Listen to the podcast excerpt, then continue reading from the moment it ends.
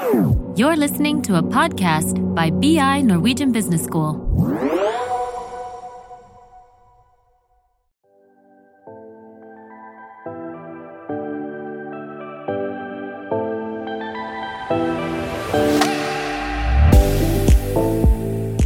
Velkommen til Karrierepraten, en podkast for karriereinspirasjon og innsikt i arbeidslivet fra Handelshøyskolen BI. Mitt navn er Gunhild, og i dag skal vi snakke med en alumni som brenner for bærekraft og gjenbruk. Sara Elise Hjemdal.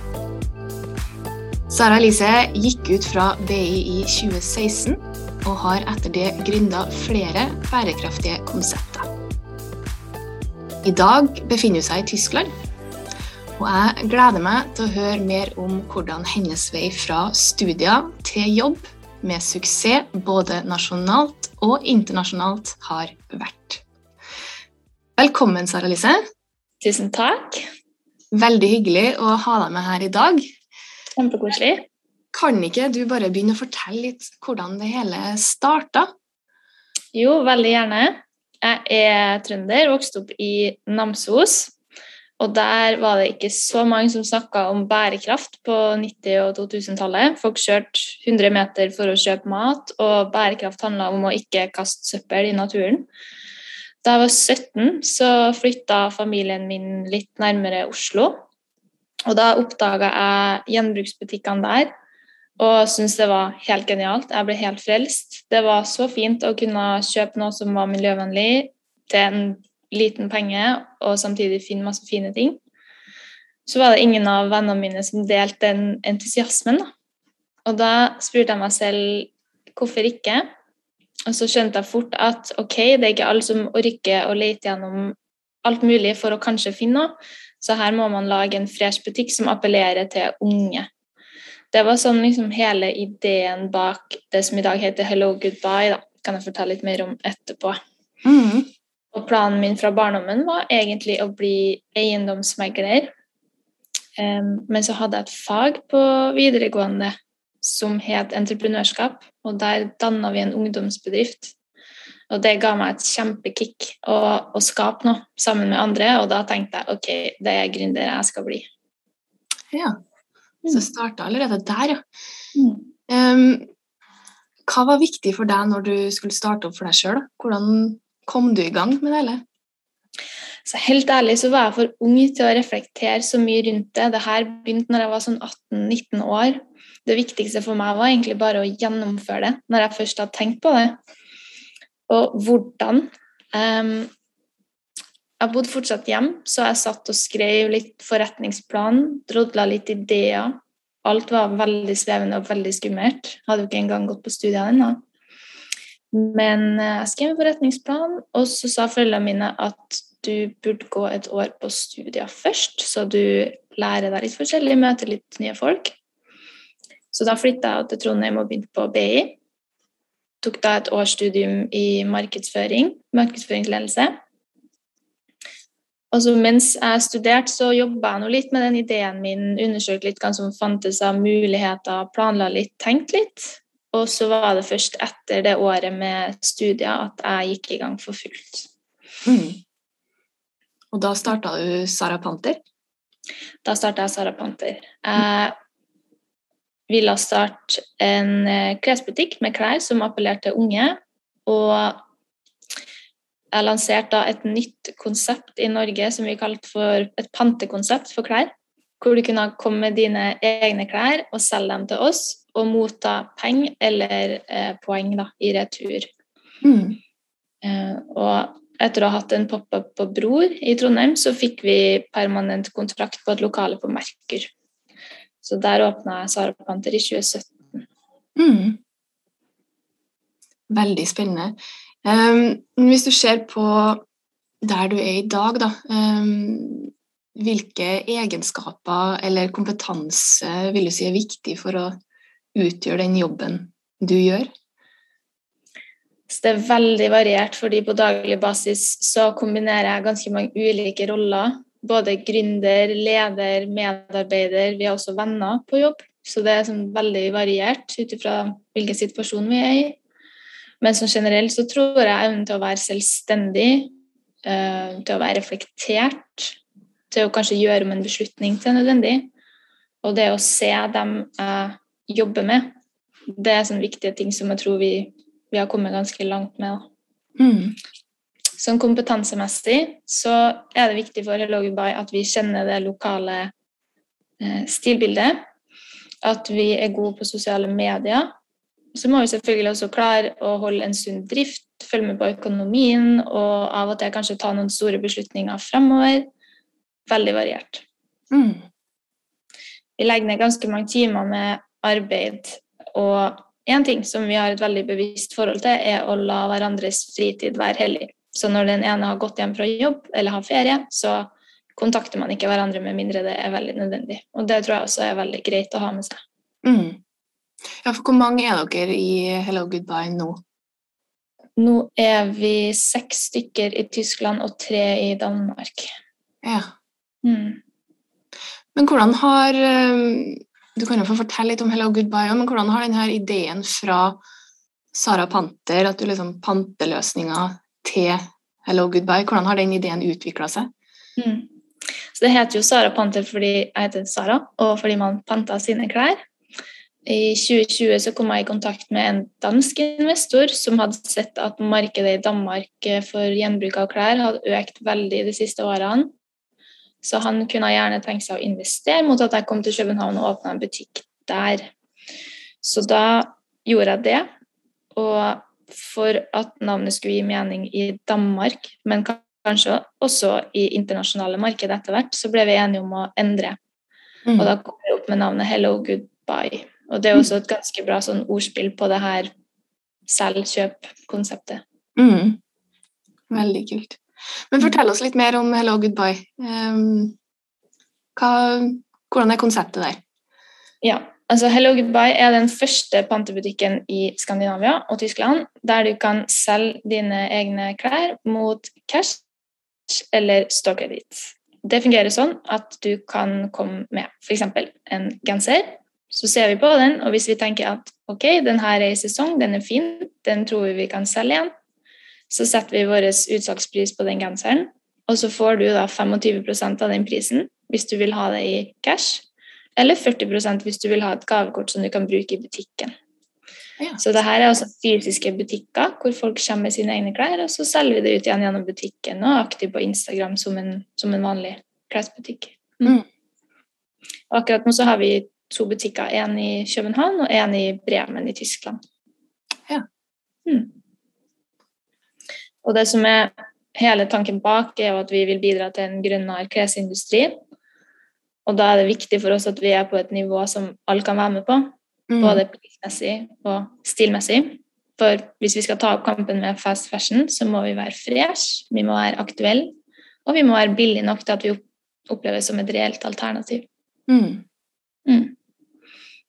Og når vi plukker inn klær, så ser vi mye etter trender og sesong, hva er det folk vil ha, og så eh, er vi veldig opptatt av at alt skal være rent og helt, så det skal føles som å komme inn i en ordentlig klesbutikk når du kommer inn i Hello Goodbye. Mm. Mm. Og vi får ofte spørsmål har du den her i en annen størrelse, så det, det er ikke alle som ser at det er gjenbruk, og det syns jeg er kult. Mm. Mm. Det er veldig artig. Men, eh, og Du har svart litt på det her før, da, for så vidt, men eh, hvorfor starte noe eget? da? Er det ikke enklere å bare jobbe hos den andre? Det er jo mange som jobber med det her òg, skal vi si. Gjenbruk av klær.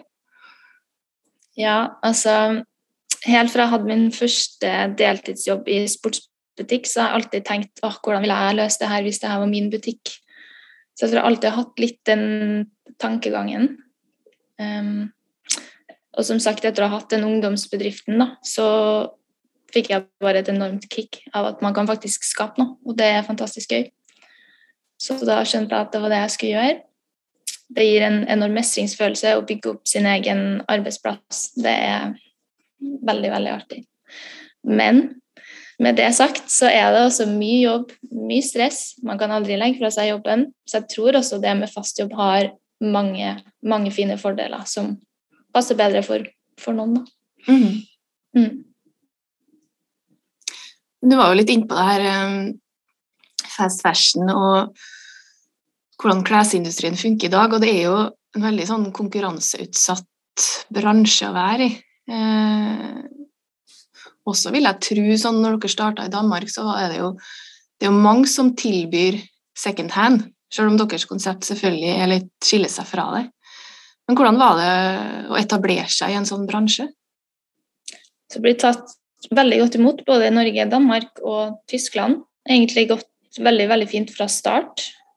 Har du en fin gjenbruksbutikk med en, en god location, så kommer folk med en gang. Du har en, en, brukergruppe der som handler gjenbruk, og som kommer når det er noe nytt på markedet. Så det har egentlig ikke vært, eh, vært et problem. Men det er klart, eh, å drive lønnsomt kan være utfordrende. Du konkurrerer med store, etablerte kjeder. Så vi følger nøye med på alt som skjer i markedet og økonomien, og det Ja. Mm. So far, so good. Så bra. Mm. Vi har jo eh, mange studenter her på BI som brenner for bærekraft. Eh, og jeg har spurt litt rundt i forkant av denne praten, eh, og noe av det de lurer på, Eh, er jo litt sånn som du var inne på nå, eh, hvorvidt det faktisk er lønnsomt å drive bærekraftig.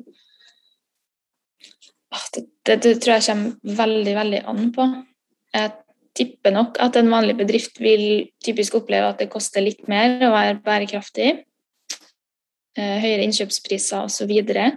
Samtidig er det kanskje noen ting som kan være litt billigere, og så kan det være noen områder hvor kunden er villig til å legge inn litt ekstra penger F.eks. så har vi spart veldig mye penger på å kjøpe alt butikkinventar brukt. Jeg tror jeg vi har spart hundrevis av tusen kroner på. Og så har vi valgt å kjøpe inn plastposer som er lagd av 100% gjenanvendt plast. Men det er kunden villig til å betale mellom fem og nesten åtte kroner for en sånn vanlig plastpose, da, fordi den er eh, bærekraftig. Mm. Det kommer veldig an på. Ja. Mm. Så da, Det vil jo si at du egentlig du opplever at bærekraftsperspektivet øker den betalingsvilligheten til en viss grad? da?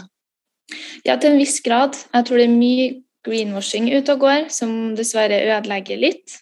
Men du har helt klart en liten gruppe som er villig til å betale litt mer. Og så tror jeg også at hvis en bedrift sånn genuint har en god bærekraftsprofil, så, så tror jeg definitivt at kunden verdsetter det. Mm. Mm. Hva er de største utfordringene du har møtt på da, i forbindelse med, med bærekraftig drift? F.eks. det å finne alt inventar brukt tar jo litt tid og veldig sjansespill.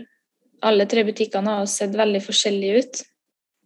Tanken var jo å kjøre det som en franchise, men det er jo da ikke mulig. Mm. tror også at majoriteten forventer nok at gjenbruk skal være ganske billig selv om det begynner også å komme en stadig voksende målgruppe som betaler tett opp til nypris, så lenge de vet at det er bærekraftig og, gjenbrukt. Mm. Og så er det selvfølgelig, som jeg sa i sted, du konkurrerer mot store kjeder som greenwasher, forbrukeren tror på det, og så ligger du rett ved siden av, betaler kanskje samme leie, men prisene er lavere, og du gjør alt med hjertet, da. Da mm. kan det være tøffe tider også. Ja. Mm. Men du har jo, som du nevnte, så har du jo gått fra lille Trondheim til det store utland. Um, hvorfor eh, Danmark og København, og nå Tyskland og Bremen? Altså, faktisk, Da jeg skrev den forretningsplanen hjemme hos mor og far når jeg var vel 19 år, så skrev jeg at vi skulle åpne i Danmark innen 2021. Um, og så kom jeg jo i kontakt med den danske investoren i 2020, så da ble det veldig opplagt å flytte til København Mm. København er jo en stor moteby, det er masse gjenbruk der, så det var et ganske opplagt steg videre. I fjor på den tida her så fikk vi tips om en konkurranse i Bremen i Tyskland, Nord-Tyskland. Hvor man kunne vinne eh, ett års gratis husleie, prime location midt i byen, og 60 000 euro til å dekke diverse kostnader. Så det søkte vi på. Det her var minst, mens det var lockdown i København og ting var veldig usikkert. Vi visste ikke om vi kom til å få det til. Jeg snakka ikke tysk, hadde nærmest ikke vært i Tyskland før. Bare en liten tur. Men vi søkte, og vi var en av tre som vant. Så da var det bare å komme seg til Bremen. Og her åpna vi butikk 17. mai i år. Ja, Mm. så kult. Mm. Um, du har jo snakka litt om det, at du har veldig mange hatter til daglig. Um, men hvordan ser en typisk arbeidshverdag ut for deg, hvis, hvis det finnes? Ja, det startes dagen alltid med en kopp kaffe og litt uh, admin. Litt mail og litt, kanskje litt regnskap, ting som man trenger litt ro til å gjøre. Og så drar jeg til butikken, der vi åpner klokka ti. Mandag til onsdag har vi pant. Da er det som regel veldig travelt. Da står vi og ser gjennom klær, priser, stime, henger ut, kanskje legger ut noen bilder på Instagram og det nye som har kommet. Torsdag og fredag så er det fokus på salg og ivareta kundene. Og så sitter jeg også litt med det som skal gjøres av, eh, av admin. Lørdagene har vi som oftest eh, lørdagshjelp, men jeg er ofte innom og sier hei, ser at det går bra. Kanskje er litt aktiv på Instagram og kanskje gjør noen, noen ting som må gjøres da, hjemmefra.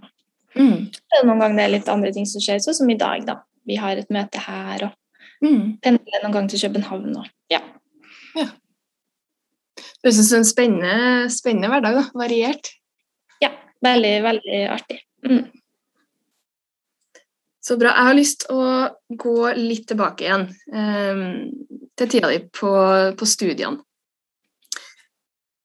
Du har jo allerede vært inn på hvordan det hele starta. Um, men gjorde du noe underveis i studietida? Noe, noen spesielle valg du tok som uh, har hatt betydning for veien videre?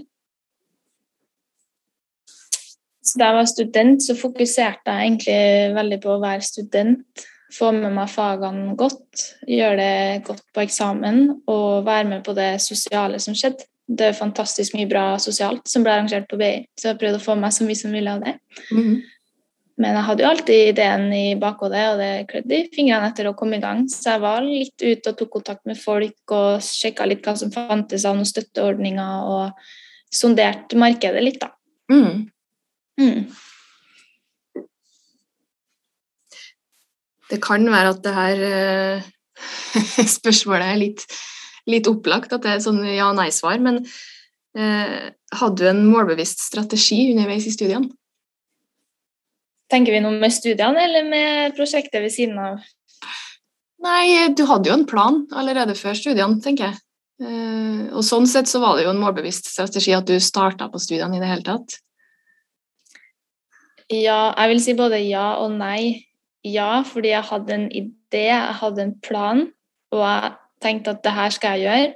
Men jeg vil også si nei, fordi jeg var såpass ung og redd og usikker at jeg hadde ikke noe sånn konkret det her skal jeg gjøre den måneden her, den dagen her, sånn går jeg fram. For jeg hadde aldri gjort det før, og jeg gjorde det alene. Så jeg hadde ikke peiling på hva stegene skulle være for å få det til. Jeg måtte bare gjøre litt og litt. Snakke litt med folk.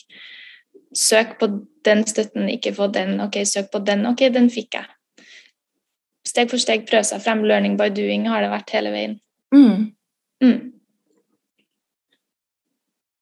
Hva vil du si er det viktigste du har lært da, etter at du begynte med det her? Jeg tror hele prosessen har lært meg veldig, veldig mye om meg selv, som jeg tar med meg videre i arbeidslivet. Både hvordan jeg kan motivere meg selv, motivere andre, hvordan jeg takler stress, hvordan jobber jeg best, hvordan slapper jeg best av. Alle de her tingene var helt nytt for meg når jeg starta igjen, veldig ung. Men um, jeg tror også jeg har lært mye om hvordan man skal samarbeide med andre, hvordan man skal investere i gode relasjoner. Jeg har tro på at man møter mennesker og er genuint interessert i dem og det de gjør. Og da tror jeg gode samarbeidsrelasjoner kan komme som en frukt av det. Mm. Har dere noen videre planer fremover nå da, på, på å utvide enda mer, eller er dere, har du noen vekst med målsetninger? Ja, altså, målet vårt er jo å bli en franchise med butikker i hele Nord-Europa. Det syns jeg hadde vært så kult. Mm. Og jeg tror definitivt at uh, konseptet kan skaleres. For hvis du har medarbeidere som kjenner motebildet i den byen du er i, så går det hele ganske av seg sjøl. Mm. Akkurat sånn konkret nå så er det jo litt vanskelige tider å planlegge i. kontrakten vår i Bremen er ferdig om tre måneder, så nå driver vi og forhandler husleie her. Kanskje vi kan bli. Mm. Butikken i København den går godt, den består. Og så får vi se om det blir en ekstra butikk i København eller Oslo. Vi utforsker flere muligheter, så det er veldig spennende. Ja. Så blir det kanskje å komme, komme hjem igjen òg, skal vi si. Ja, det, det blir jo det etter hvert. Håper det. Mm. Kult. Litt avslutningsvis, nå, hvilke råd vil du gi til nåværende studenter som ønsker å starte opp for seg sjøl? Jeg hørte en gang at du skal ha så lyst til prosjektet ditt at du ikke kan la det være. Du må ha så lyst til det at selv etter en lang, lang dag på studiet, så setter du deg ned og jobber med det. Det må virkelig krible etter å gjøre det. Hvis ikke så blir det for tungt. Og så tror jeg det er viktig å huske at oppstartslivet består av masse jobb, og dermed også mindre tid til ting man ellers liker. Venner, familie, reising, festing. Så det må man være villig til å ofre en periode. Så tror jeg at hvis man lykkes, så har man jo forhåpentligvis mer tid til de her tingene i andre enden. Da. Mm. Ellers har jeg også tre tips. Kanskje litt klisjé, men jeg tror de er det av en grunn. Um, det første er tør å hoppe i det, og deretter stå i det. For det blir tungt. Men hvis du klarer å stå i det, så tror jeg veldig, veldig mye av jobben er gjort. Det andre tipset jo bedre du kjenner deg sjøl, jo bedre forutsetninger har du for en god oppstartsprosess. Hvis du kjenner dine egne svake sider, sterke sider, så har du en stor fordel når du skal danne et team, og ikke minst hvordan du også takler det hele på et personlig plan. Det tredje er ta kontakt med folk. Det er måten å komme seg fremover på. Mm. Man klarer det ikke alene. Mm så kan jeg kanskje nevne de tingene som jeg tenker har vært mine suksesskriterier for å få det til.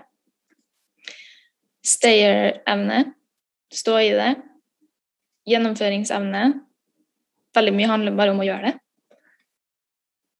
Og så tror jeg at jeg er ganske Eller jeg vet jeg er oppriktig og ærlig i mine relasjoner, og det er også viktig for å tiltrekke seg samarbeidspartnere og medarbeidere folk vet hvor de har meg. Det tror jeg er viktig.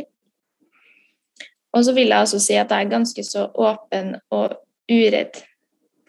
Og har en ganske positiv tankegang. Mm. Jeg tør å satse, for jeg tenker enn om det går bra, da. Mm. Og da må jeg prøve. Denne tankegangen tror jeg jeg har hatt med meg helt siden jeg var ganske lita.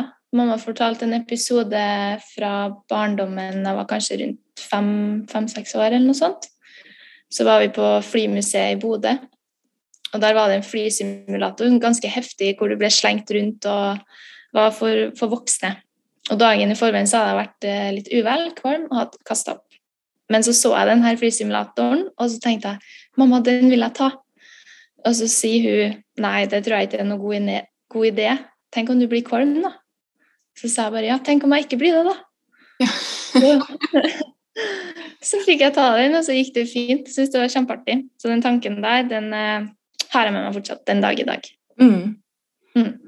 Det er nok en veldig lur innfallsvinkel på livet. Ja, så kan det jo skje kan Det jo ikke sikkert det går bra, men da har man i hvert fall gjort det. Og så har man lært. Mm. Ikke sant. Mm. Ja, men supert, Sara Lise. Eh, tusen takk for de her rådene. Og tusen takk for at du tok deg tida til det her i dag. Jeg vet at du er travel. Det har eh, vært veldig spennende eh, å høre på deg. Og eh, jeg håper at flere med en gründerspire i magen lar seg inspirere av det. Og så vil jeg ønske deg og dere lykke til videre. Tusen hjertelig takk for det. Det var veldig artig å få lov til å være med. Så håper jeg det kan være til inspirasjon for noen. Og hvis det er noen som har spørsmål eller lurer på noe, så er de veldig velkommen til å kontakte meg.